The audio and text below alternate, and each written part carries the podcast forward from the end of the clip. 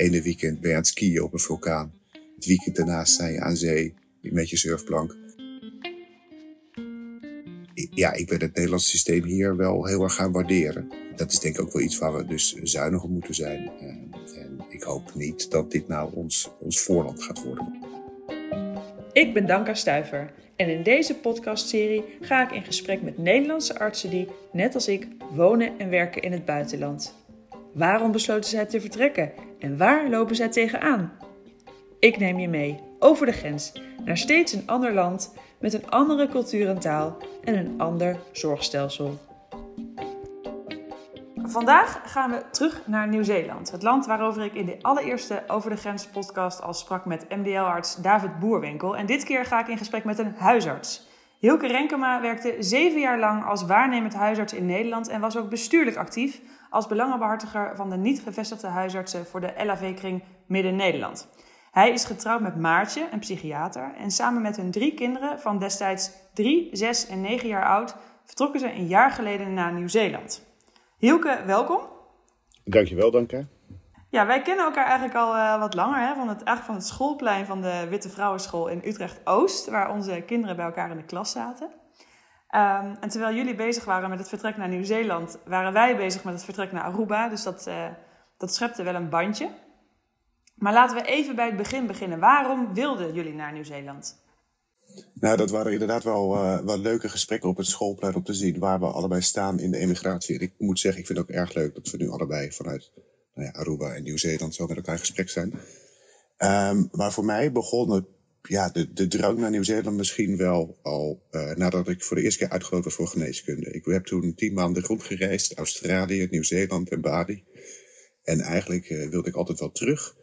Uh, maar dan gaat het leven verder. Dan uiteindelijk geneeskunde gedaan, de huisartsopleiding gedaan. En sindsdien bleven de plannen om nog naar Australië of Nieuw-Zeeland te gaan, die bleven bestaan. Maar het leven bleef een beetje voortkabbelen. Je krijgt kinderen, je koopt een huis. En zonder dat je beseft vliegen de jaren een beetje om. Ja. Um, en ja, het, het plan was er wel, maar het werd gewoon maar niet concreet, zullen we maar zeggen. Totdat uiteindelijk uh, COVID uitbrak met alle COVID-restricties, lockdowns. Toen op een of andere manier werd het waakvlammetje werd weer een beetje, werd al wat groter. En toen kwam ik ook nog een advertentie tegen op Facebook van een Nederlandse huisarts die hier in Nieuw-Zeeland aan het werk was. En toen dachten we van, nou ja, als we willen gaan, het is nu of nooit. Dus we hadden onze zinnen gezet eigenlijk op die praktijk in Nieuw-Zeeland, maar de omstandigheden gingen niet door. En toen hebben we de luxe gehad om helemaal te gaan te gaan zoeken op de kaart van Nieuw-Zeeland, waar willen we werken. En zijn we uitgekomen hier in, in de Bay of Plenty. En die heet denk ik zo omdat hier gewoon heel veel te doen is. Het is 2,5 uur van Auckland. En binnen een aantal uur rijden kan je hier alles doen. Je zwemt met dolfijnen, wandelen, skiën, vulkanen. Uh, het is hier gewoon super mooi. de kinderen kunnen veilig in het water spelen. Er zijn af en toe zeehonden op het strand. Of orka's en haaien die door de waai waaien. Dus nou, we zijn erg blij met de keuze die we hier gemaakt hebben. Mooi, nou, het klinkt al heel goed. En we gaan het straks natuurlijk ook heel erg uitgebreid hebben over hoe het voor jullie als gezin in Nieuw-Zeeland is. Maar ik wilde, eerst het, ik wilde het eerst met je hebben over het werk van huisarts daar. Want jij werkte in Nederland vier dagen in de week als vaste waarnemer in twee praktijken. Waar werk jij nu? Ik werk niet in het dorpje waar we wonen. Ik, uh, ik werk in Cadicat. Het is een dorpje met 5500 inwoners. Uh, het heeft ook maar één huisartsenpraktijk, dus voor het hele dorp uh, is er één praktijk, maar tegelijkertijd ook voor de 20 kilometer ongeveer om het dorp heen. Dus totaal hebben we tegen de 10.000 patiënten. we werken daar met 11 artsen. En helaas is het zo dat er dus in de omliggende dorpen ook alweer meer schaarste aan huisartsen komt. Dus vanuit een, vrij groot gebied komen nu ook nog alle inschrijvingen binnen om bij ons in de praktijk als patiënt gezien te mogen worden. Mm uh, en dat komt dus op neer dat de patiënten rustig uh, 30 minuten moeten rijden voordat ze dan uh, voor een huisartsenafspraak gezien kunnen worden. Ja. het is ruraal, dus we zitten 40, 45 minuten van het ziekenhuis af.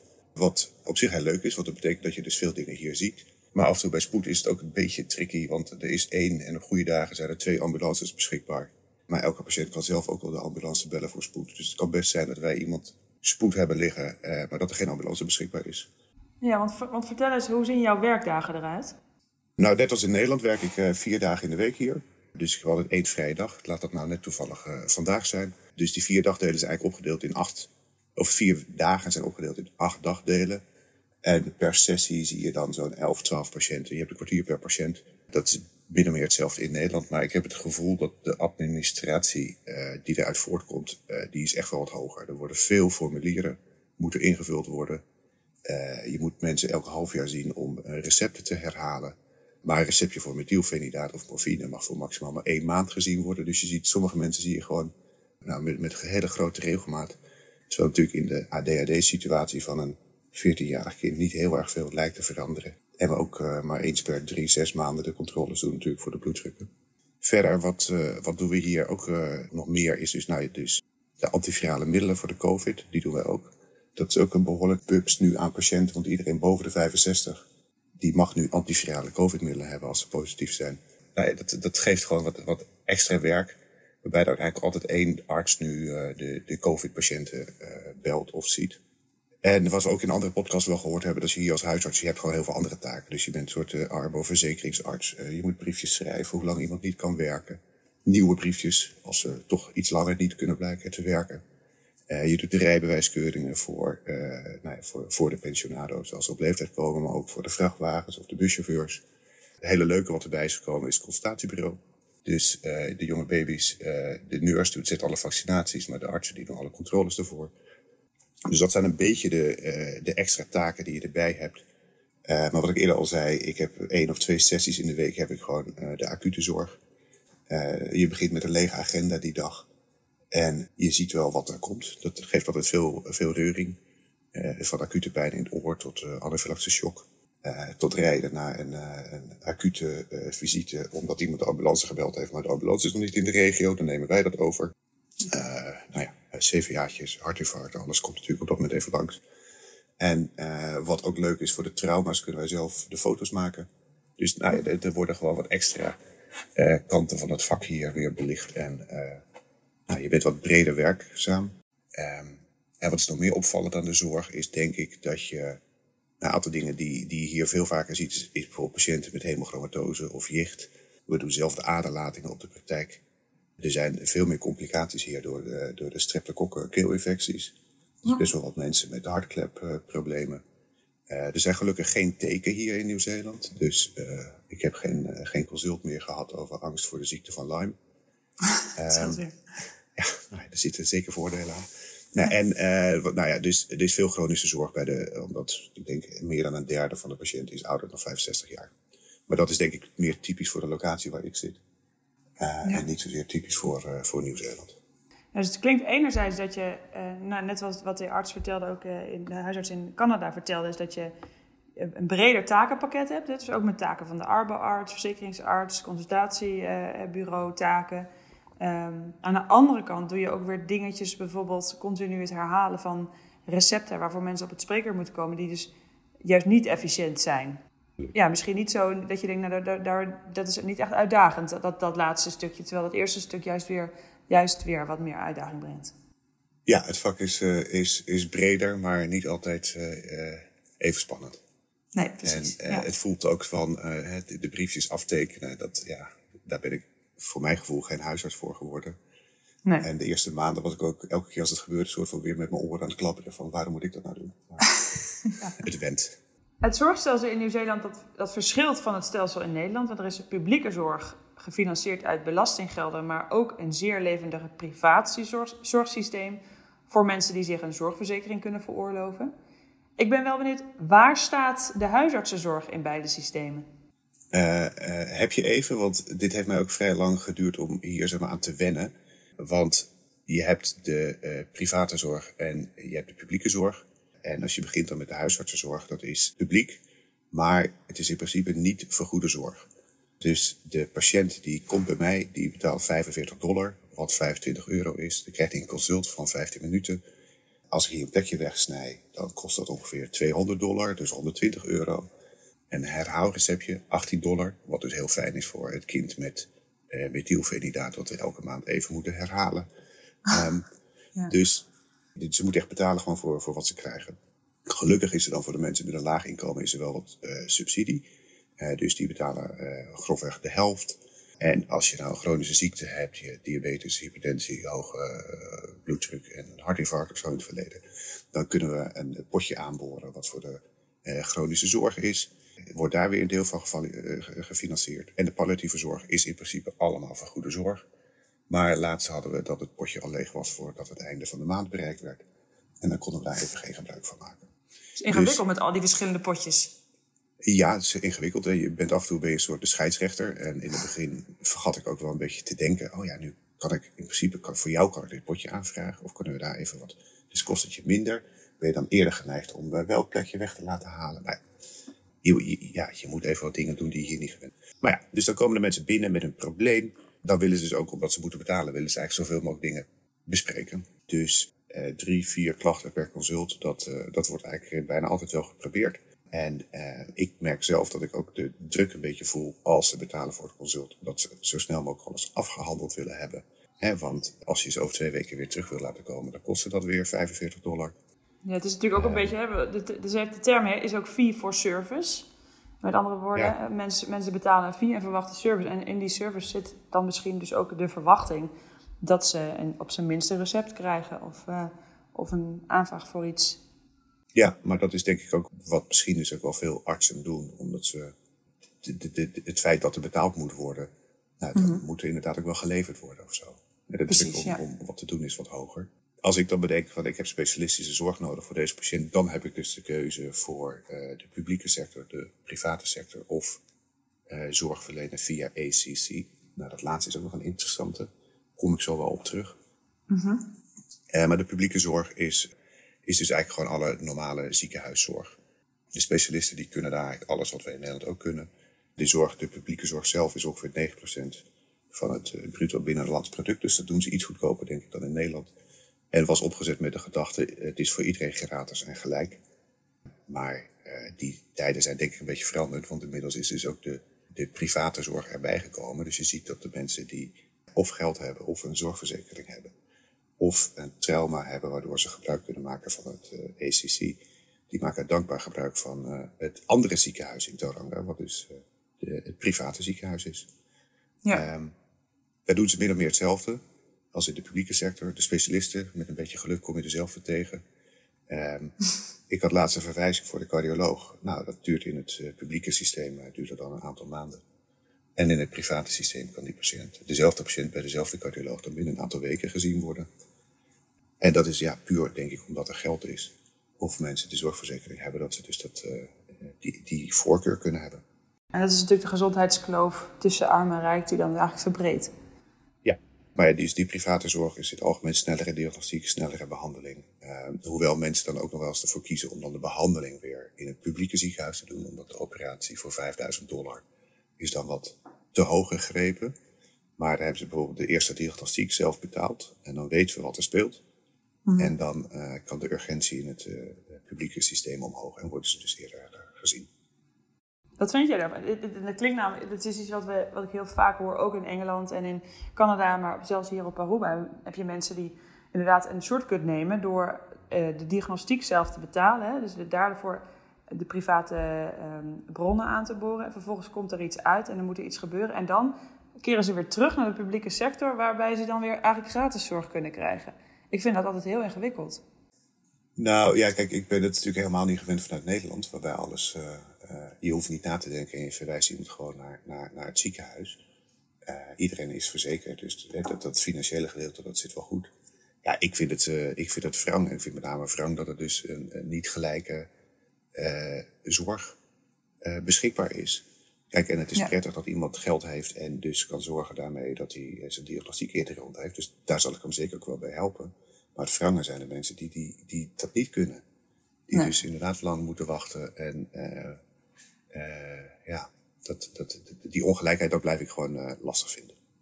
Ja, het is niet solidair eigenlijk, hè, wat je zegt. Het is niet hoe wij natuurlijk een beetje opgevoed zijn als Nederlandse artsen en überhaupt als Nederlandse burger. Dat is uh, in, op heel veel plekken in de wereld, eigenlijk bijna nergens meer, uh, dat, dat, dat dat nog lukt. Nou, je vertelde net al over de, over de ACC. Kan je daar nog wat meer over vertellen? Ja, dat is dus weer een soort zorg. dat ACC staat voor Accident Compensation Corporation. Dus dat is eigenlijk door de overheid opgericht. Dat iedereen die ziek wordt door een trauma, dus er moet een, kracht van buitenaf hebben ingewerkt op het lichaam dan zorgen ze dat die zorg die daarvoor noodzakelijk is, dat dat allemaal vergoed wordt. Het systeem eh, wordt gelukkig elke keer aangepast, maar ja, dat een muggenbeet eh, wel vergoed wordt en, andere, en bepaalde andere dingen weer niet, dat is gewoon ridicuul. Ja. Uh, pussige hydradenitis wordt niet vergoed, maar een absces na een wondinfectie, als ik die incideer, dat wordt wel vergoed. Uh, benauwdheid bij een allergische reactie door een wespensteek, dat wordt wel vergoed. Exacerbatie astma wordt weer niet vergoed.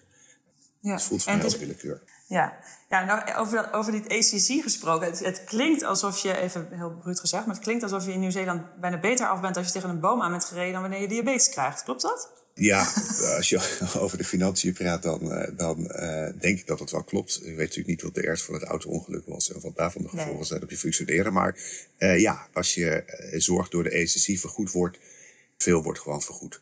He, je gemiste ja. inkomsten, wat we eerder al zeiden, maar dus ook de revalidatie, de reïntegratie, omscholing. Uh, ja, en de noodzakelijke heupprothese naar een mediale kolomfractuur door je auto-ongeluk, die zit er gewoon snel in. En aansluitend krijg je netjes al je ondersteuning en je begeleiding aangeboden.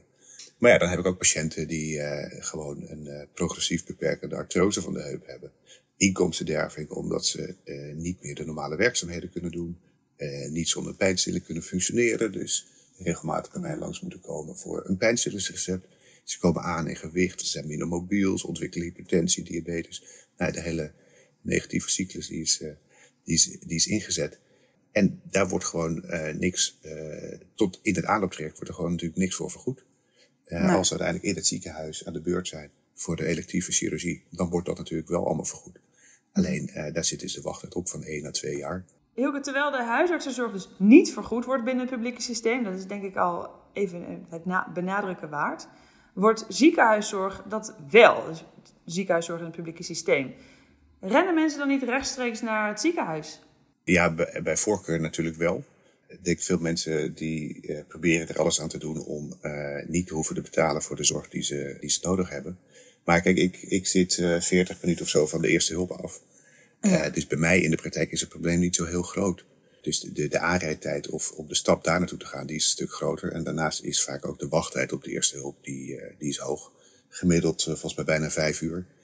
He, dus naast je aandoening moet je ook een uh, lekkere dosis geduld meenemen om, om die tijd daar door te komen. En dat, af en toe krijg je dus ook gewoon een bericht dat de patiënt zich heeft gemeld op de eerste hulp, maar dat hij na verloop van een aantal uren toch maar weer naar huis is gegaan. Ja. En niet meer de, de energie had om de diagnostiek of de behandeling eh, te laten plaatsvinden. En ja, voor de niet-specialistische spoedzorg moeten de mensen gewoon net als in Nederland verwezen worden. En dan moeten ze voldoen aan de verwijscriteria. En worden de, vervolgens de uh, verwijzingen worden allemaal getrieerd over of iemand binnen nou twee, zes weken of drie maanden of een half jaar gezien moet worden. En dan worden ze gewoon op de wachtlijst gelegd. Waarbij dat dus weer dan een van de redenen is om eventueel uh, niet publiek, maar gewoon private verwijzing te maken. En als je dan toch wil proberen om de financiën zo goed mogelijk voor jezelf te regelen. Dan proberen de mensen bij mij dan nog wel eens met een soort traumaverhaal binnen te komen. Ben gevallen op mijn schouder. En dan vervolgens proberen ze ook nog alle eh, niet-traumazorg in datzelfde consult ook even te bespreken. In de hoop dat dat natuurlijk allemaal onder de ECC valt dan en uh, dat ze het hele consult vergoed krijgen. Ik wil dit ook even met iets, over iets anders hebben met jou. Want um, de oorspronkelijke bevolking van Nieuw-Zeeland, de Maori, die hebben een historisch ingegeven wantrouwen tegen de westerse gezondheidszorg. En toch hebben zij ook het meest te winnen van goede toegankelijke zorg, omdat ze over het algemeen uh, een minder goede gezondheidstoestand hebben. Met bijvoorbeeld meer overgewicht, diabetes, alcoholverslaving en ook infectieziekten zoals HIV. Um, nou heb ik gelezen dat de overheid daar wel wat aan probeert te doen, maar dat het heel erg lastig is. Ik ben wel benieuwd wat jij daarvan merkt in de dagelijkse huisartspraktijk. Uh, de preventieve zorg uitstrijkjes, die zijn bijvoorbeeld voor de vrouwen, die zijn, voor de Maori-vrouwen zijn gratis. De niet-Maori-vrouwen moeten daar ook gewoon voor betalen in de huisartsenpraktijk. Uh, die criteria voor uh, de antivirale COVID-therapie, die zijn een stuk lager. Dus de Maori kunnen vanaf 50 jaar al daar gebruik van maken. De niet-Maori vanaf 65 jaar. Er wordt een, een zwangere Maori-vrouw, die krijgt een financiële worst voorgehangen van, ik geloof, 100 dollar. Om er maar voor te zorgen dat ze in het begeleidingstraject van haar zwangerschap uh, komt. Ja, er worden wel allerlei manieren uh, gevonden om ze er binnen te krijgen. Maar ik denk, wat het misschien nog het meeste zou helpen. 3% van de artsen is, heeft een Maori-achtergrond. 17% van de populatie is Maori. Mhm. Misschien moeten we, als we de patiëntengroep echt willen bereiken, er ook voor zorgen dat ze veel meer vertegenwoordigd worden binnen de zorgverleners. Maar ja, dat is natuurlijk niet iets wat je 1, 2, 3 kan doen. Maar de Mauri-studenten die krijgen dus een forse tegemoetkoming voor hun studiekosten of kunnen zelf gratis studeren. Dus het, het wordt wel aan alle kanten geprobeerd om de zorgverlening te, te verbeteren. Maar de resultaten zijn er nog niet. Hilke, eerder sprak ik met David Boerwinkel, dus een maagdarm-leverarts die ook werkzaam is bij jou in de buurt. En die vertelde over de enorme wachtlijsten in de ziekenhuizen en ook over het feit dat verwijzingen van huisartsen regelmatig worden afgewezen. Wat merk je daarvan? Gewoon een simpel probleem als een inguinale hernia in de lies. Eh, de ene week eh, is het geen enkel probleem om daar iemand zeg maar, voor op de wachtlijst eh, te gaan zetten. En andere weken wordt dat gewoon allemaal gebounced en afgekeurd. En om eerlijk te zijn weet ik niet of het nou komt doordat je gewoon een hele strenge chirurg hebt zitten die dan zegt we hebben daar, nu, daar gaan we ons budget nu niet aan besteden. Of dat het budget er op dat moment gewoon weer even niet is. Net als dat bij ons een potje soms voor de maand leeg is en we dan de volgende maand wel weer die zorg kunnen, kunnen doen. Maar ja, dat, bij een liesbreuk is natuurlijk meestal een hinderlijke klacht. Maar ook bij hoge verdenkingen van de maligniteit heb je soms het probleem dat je mensen gewoon meerdere keren moet verwijzen. Uh, waarbij je dus soms het geluk hebt dat je een andere triagist hebt die dan wel de mensen in zorg neemt. Of dat er inderdaad gewoon de hele, het hele voortraject uh, via de huisarts gedaan moet worden. Of de situatie ernstiger moet worden. voordat de mensen dan wel gezien worden. daarnaast hadden we laatst ook geen reumatologen hier voor een aantal maanden. Dus alle nieuwe diagnostiek en de start van eventuele behandeling, dat lag in onze handen. We konden wel weer met de reumatoloog in een ander ziekenhuis overleggen. Maar ja, het is allemaal, uh, het legt de druk veel meer bij de eerste lijn. En ik denk dat de mensen uh, niet, nou ja, niet de zorg krijgen die ze verdienen. psychiatrische zorg, daar kan je beter maar niet over beginnen hier. Enorm tekort aan psychiaters. Maar om iemand echt binnen de psychiatrie te krijgen, dat, dat lukt niet. En ja, in het voorbeeld van David Boerwinkel hij mag als maagd- leverarts, kan hij elke functionele buik, buikklacht, kan hij hier gewoon direct retour zenden. Want ja, dat valt gewoon niet binnen de specialistische zorg. Dus er zijn ook keuzes gemaakt, wat natuurlijk uh, absoluut niet in het ziekenhuis gezien hoeft te worden. Maar ja, het betekent ook gewoon dat je als huisarts hier veel meer doet. Hè, dus dat je takenpakket is een stuk uitdagender en uitgebreider. Als je de frustratie dat het soms moeilijk is om iemand te verwijzen even op de koop toeneemt. Ja, precies. Dus als je positief heretiketteert, dan is dat overvolle bordje ook wel weer een uitdaging. Ja, nou, de briefjes, de briefjes niet, maar de patiëntenzorg wel, ja. Um, nou ja, je had het over dat de, dat de huisartszorg niet, uh, geen vergoede zorg is. Um, dus de, de kosten voor een bezoek aan de huisarts die vormen een mogelijke drempel voor patiënten. Maar ook het tekort aan huisartsen zelf bedreigt de toegankelijkheid van huisartsenzorg. Klopt dat? Ja, er is uh, ook een ernstig tekort aan huisartsen. Uh, als je buiten de stedelijke gebieden gaat kijken, dan is voor de helft van alle huisartsen is al aangetrokken van buiten Nieuw-Zeeland. Dat betekent dus dat, dat zijn mensen zoals ik die voor een paar jaar hier gaan zitten. Maar dat kunnen ook gewoon mensen zijn die natuurlijk uh, besluiten om vanuit Zuid-Afrika voor goed natuurlijk deze kant op te komen. Maar de lokale Nieuw-Zeelandse huisartsen zitten bij voorkeur in de steden of die trekken naar Australië. Daar is, zijn de inkomsten een stuk hoger. Daar zien zij hun toekomst beter in dan, dan hier in Nieuw-Zeeland. Dus dat tekort leidt er soms toe dat de wachttijden bij ons in de praktijk ook wel zes weken konden zijn voordat iemand dan gewoon gezien kon worden voor mhm. niet-spoedzorg. Dat is niet, uh, niet een goed voorbeeld van laagdrempelige eerste lijnzorg. En uh, het tekort gaat ook alleen maar toenemen. 30% gaat met pensioen in vijf jaar, 50% met pensioen binnen 10 jaar. En meer dan 30% ervaart ernstig gebeurde oudklachten bij de huisartsen. Ja, dus het is wel interessant hoe, hoe de zorg hier over vijf jaar bijvoorbeeld bij zou staan. Dus ze doen hard hun best om de mensen op te leiden. Uh, maar de aanwas is niet voldoende. En uh, je hebt ook nog de brain drain van de mensen die daarna dus weer Nieuw-Zeeland verlaten. Uh, dus ik denk eigenlijk dat de hoop op dit moment gevestigd is voor de mensen die dus, zoals ik, een tijdelijk avontuur aangaan. Of veel Engelse artsen die onvrede hebben over de NHS en liever hier komen werken. Veel Zuid-Afrikaanse artsen die de onveilige situatie in hun eigen land niet, niet willen verlaten en dus gewoon rustig hier willen werken. Ik denk dat dat zijn hier de mensen die de langdurige zorg in de huisartszorg op zich gaan nemen. Ja, als ik zo naar jou luister en ook um, die verhalen naast die van David leg, die dus als medisch specialist in een publiek ziekenhuis werkt, dan, dan verbaast mij dat wel. Huisartsenzorg wordt in het publieke systeem niet vergoed, ziekenhuiszorg daarentegen wel. En terwijl een huisarts zijn inkomsten grotendeel genereert uit het draaien van de toko, hè, mist die prikkel in het publieke systeem volledig met, met wachtlijsten en inefficiënt werken tot gevolg. Um, David die gaf ook toe van ik kan eigenlijk veel harder werken. Ik heb eigenlijk relatief weinig uh, patiënten die op, die mijn poli staan. Ehm, hij nam uh, zijn podcast, de podcast op in zijn administratietijd, waar jij hier vrijdag voor gebruikt. Um, als voorbeeld te noemen. Maar hij gaf ook aan dat er vanuit de specialisten geen enkele incentive is om dat te doen. Nog sterker dat, dat zij dus in die administratietijd bijbeunen in de private klinieken. Dat is toch gek eigenlijk? Ik denk dat ze daar andere keuzes in kunnen maken. En soms denk ik ook wel eens dat de zorg op de juiste plek, zoals we dat in Nederland hebben, dat hè, zoveel mogelijk vanuit het ziekenhuis naar de huisarts, nou, dat mogen ze hier wel andersom gaan doen. Dat ze maar eens gaan zorgen dat eh, de zorg in het ziekenhuis beter beschikbaar en bereikbaar is eh, voor, eh, voor de patiënten. Daar is zoveel ziektewinst te behalen. Als ze ervoor gaan zorgen dat ze minder onzinnige diagnostiek gaan doen. Om maar niet al het mogelijke uit te sluiten bij elke patiënt. Dan kan er zo'n zo efficiëntieslag gemaakt worden. Uh, en kan er dus meer productie gedraaid worden om die patiënten sneller uh, te helpen. Dus weer sneller op de been te hebben en op de werkvloer te houden. Dus ja, ja ik ben het Nederlandse systeem hier wel heel erg gaan waarderen. dat is denk ik ook wel iets waar we dus zuinig op moeten zijn. En ik hoop niet dat dit nou ons, ons voorland gaat worden wat dat betreft. Dat is dan wel weer mooi, hè? Van al je ervaringen, dat je toch dan, uh, als huisarts in Nederland toch ook veel, veel mopperen en veel, veel um, vinden dat heel veel dingen anders moeten en beter moeten. Als je op een andere plek werkt, dan kun je toch wel met een frisse blik kijken naar, naar de goede kanten van het Nederlandse systeem. En ja, moeten we alleen maar hopen dat het systeem in Nieuw-Zeeland en ook in Canada niet ons voorland gaat zijn, zoals je zegt ook. Ja. Um, ik wil even naar jullie gezinsleven gaan, want jullie kinderen zijn inmiddels 4, 7 en 10 en gaan dus ook daar naar school. Hoe was voor hen de overgang? Uh, de kinderen waren direct uh, de talk of the town, want we hadden een elektrische bakfiets uit Nederland meegenomen. Dus iedereen wist precies wie, uh, wie dat rare gezin was die nou met zo'n met zo'n bakfiets met een paar kinderen door het dorp fietst. Um, Mooi. Ja, en ik denk dat die school, uh, het schoolsysteem is wel heel leuk en heel prettig voor die kinderen. Um, het is een kleine school, ze, krijgen, ze kregen direct Engelse les aangeboden. Um, er wordt verder veel sport, veel cultuur, creatief onderwijs gegeven.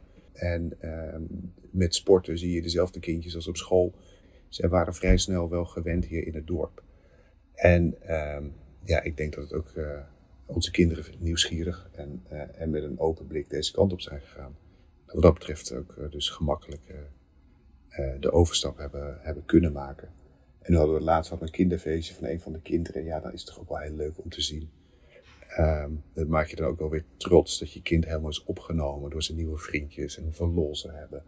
En dat ze gewoon volledig in het Engels grappen en grollen aan het maken zijn. Ja, dat is natuurlijk, dan weet je wel dat het een beetje de overgang wel geslaagd is, ja. Ja, leuk. Ik kan voorstellen dat je dan, uh, dat je dan als, als vader heel trots op ze bent. Ja. Nieuw-Zeeland is natuurlijk een heel mooi land met een, uh, met een natuur die, die, die, die bekend is en, en beroemd is. Wat doen jullie als jullie vrij zijn? Nou, de reden dat ik ook om deze tijd uh, de podcast wilde hebben, is uh, omdat ik zo ga surfen met mijn vrouw. Ja, dus de kinderen gaan naar school en naar de preschool. En uh, dan gaan wij lekker surfen. Dus dat is uh, uh, de grootste positieve verandering, denk ik. Dat we hebben dus nu een dag samen vrij. Ja. En kunnen we ons helemaal storten. We hebben surfles gehad van lokale bekendheid in Wahi Beach. Nou, en nu spartelen en stoeien we zelf zoveel mogelijk als kan op een, op een bord. Um, en als die golven die goed zijn, ja, dan kan je wandelen hier. Binnen 15, 20 minuten zit je of aan het water natuurlijk, of in de heuvels, waar je zo de natuur instapt overal hier in Nieuw-Zeeland heb je die wandelmogelijkheden. Dus als je daarvan houdt, dan hoef je nooit hetzelfde pad, uh, pad te lopen. En uh, ik denk het grootste uh, cadeautje is dat we recentelijk een camper gekocht hebben. ja, en dan voel je wel echt bevoorrecht hoe vaak en hoe makkelijk je eruit kan. het ja. ene weekend ben je aan het skiën op een vulkaan. het weekend daarna sta je aan zee met, met je surfplank. ja, soms doe je dat dan met wat Nederlandse vrienden.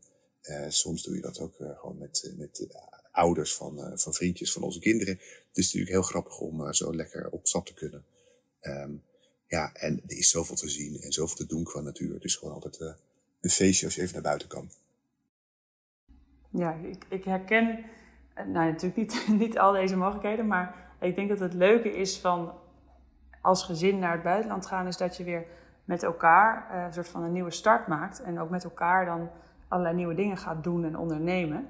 En dat maakt je als gezin denk ik ook weer uh, hechter. En ja, dat is, gewoon, dat is denk ik heel waardevol. Ja, nou ja, zo, een, van de, een van mijn dochters die vindt het ook heel leuk. en zegt dan ook, kom, vandaag gaan we weer nieuwe dingen ontdekken. Nou, ah, gaan, gaan we weer met z'n allen op pad. Mooi, leuk. Um, Hulke, mochten er nu op dit moment collega's luisteren die ook de overstap zouden willen maken naar Nieuw-Zeeland, wat zou, wat zou jij of wat zouden jullie hen willen adviseren? Als je erover na zit te denken, ik zou zeggen, doen. Alle vele uren met frustratie in de voorbereiding. De Engelse test die ik niet, niet binnen één keer gehaald. Dat papierwerk, gokjes afvinken. Eh, last minute vertalen van bankgegevens voor je visum. De hele rattenplan. Weet je, vergeet het meer dan meer direct als je hier gewoon aan de slag bent gegaan dus de investering die je, die je in Nederland moet leveren, die is het, die is het meer dan waard. Uh, het werk is hier heel anders dan je in Nederland gewend bent. Maar ik denk wel dat je er echt een betere huisarts en ook wel een beter mens van wordt. Door zo'n ervaring aan te gaan. En wat je net al zei, als gezin word je wel een stuk, ga je een stuk dichter naar elkaar toe. En ik hoop dat dat ook in de toekomst uh, ook dan weer een beetje zijn vruchten gaat afleveren. Onze, in ons gezinsleven. Ja, je moet heel veel regelen. Uh, ik heb een recruiter, daar heb ik gebruik van gemaakt. Ik zou dat iedereen adviseren, want die deed ook wel wat gesprekken met de, met de immigratiedienst. Of die, nou, die wist natuurlijk precies wat er aangeleverd moest worden. Uh, mocht je nou ook nog in de situatie zijn dat je een artsenkoppel bent, dan zou ik zorgen dat je als specialist hier het land in komt. Dus degene die in het ziekenhuis gaat werken, want daar uh, worden veel hogere vergoedingen voor betaald. Hè, dus als huisarts krijg je toch minder verhuiskosten en dat soort dingen. Dus dat kan je een hoop voordeel opleveren om bijvoorbeeld gratis een container deze kant mee te laten nemen. Ja, en wat wij gedaan hebben uiteindelijk met het zoeken van waar willen we werken en wonen, hebben we gewoon een aantal essen afgevinkt. Dus strand, stad, school, sport, dat was voor ons belangrijk. maar toen had je nog zoveel opties hier open. Dus zijn we maar gaan kiezen op aantal zonuren, regenval, kans op aardbevingen. dus je kan met je eigen criteria, kan je denken, zijn, is, is, is is elke mogelijk, is, alles is hier mogelijk. Uh, en dat land staat gewoon open voor nieuwkomers. Het is natuurlijk een, uh, niet zo'n oud land. In zekere zin is iedereen een nieuwkomer hier. Uh, ik las ook dat een kwart van de huidige bewoners hier, die is niet eens in Nieuw-Zeeland geboren. Dus alle Nieuw-Zeelanders heten hier van harte welkom, want ze hebben bijna allemaal hetzelfde wel meegemaakt. Mooi, leuk. Goed, goede tips, denk ik. Um, ik ben wel benieuwd, en het is ook meteen de laatste vraag. Wat zijn jullie plannen voor de toekomst? we zijn dit plan aangegaan voor drie jaar. Dus ik heb een contract voor drie jaar. Uh, mijn vrouw die is nu bezig om te gaan werken. Om, om dat te gaan regelen. Dus die wil ook nog een aantal jaar hier, hier aan de slag gaan. Maar het plan is, als de oudste rijp is voor de middelbare school, dat we dan wel weer gewoon naar Nederland gaan. Maar het eerste jaar is gewoon voorbij gevlogen. Ehm, en, ehm, dus we zijn blij dat we ook nu nog die komende twee jaar hebben. Hè, dat we mhm. nog uh, nog, nog meer dingen hier kunnen gaan ontdekken en nog meer dingen kunnen gaan zien. Maar we hebben aan de andere kant ook geen enkele reden om, uh, om, om ons initiële plan te veranderen. Nederland is nog steeds ook een fantastisch land. De dingen zijn daar, veel dingen zijn daar beter, of naar mijn idee veel beter geregeld. En wat dat betreft is de, zie ik ook een, een, toekomst met ons gezin daar gewoon. Ja, en je mist je familie, de afstand is wel erg groot. En dat is zeg maar het nadeel van, van hier wonen en hier werken. Maar ja, door dit avontuur mis je nu Nederland. En als we uiteindelijk weer terug gaan, zullen we Nieuw-Zeeland waarschijnlijk gaan missen. Uh, ja. Maar ja, dat hoort erbij. Nou, Hilke, ik wil je heel hartelijk danken voor dit, uh, voor dit gesprek. Ja, graag gedaan. En dit was het einde van deze podcast met huisarts Hilke Renkema in Nieuw-Zeeland. En ik denk dat zijn verhaal veel overeenkomsten heeft met dat van Nathalie de Bruin in Canada. En beide ons tot nadenken moeten stemmen. En de volgende keer gaan we naar Israël. Dan ga ik in gesprek met huisarts Anne Bloothoofd, die al sinds zeven jaar daar werkt. En zij zal ons gaan vertellen over een zorgsysteem dat voorop loopt op het gebied van digitale zorginnovatie. En met een landelijk patiëntendossier dat al sinds 1995 is geïmplementeerd. Maar ook een systeem met vier grote zorgverzekeraars die niet alleen de zorgplicht en de verzekerplicht hebben, maar ook de uitbaters zijn van zorg met het beheer over de ziekenhuizen, de huisartspraktijken en de apotheken. En iedereen die daar werkzaam is, is in loondienst van de zorgverzekeraars. Heb je naar aanleiding van deze podcast vragen of tips? Mail dan naar redactie.mediscontact.nl en graag weer tot de volgende keer.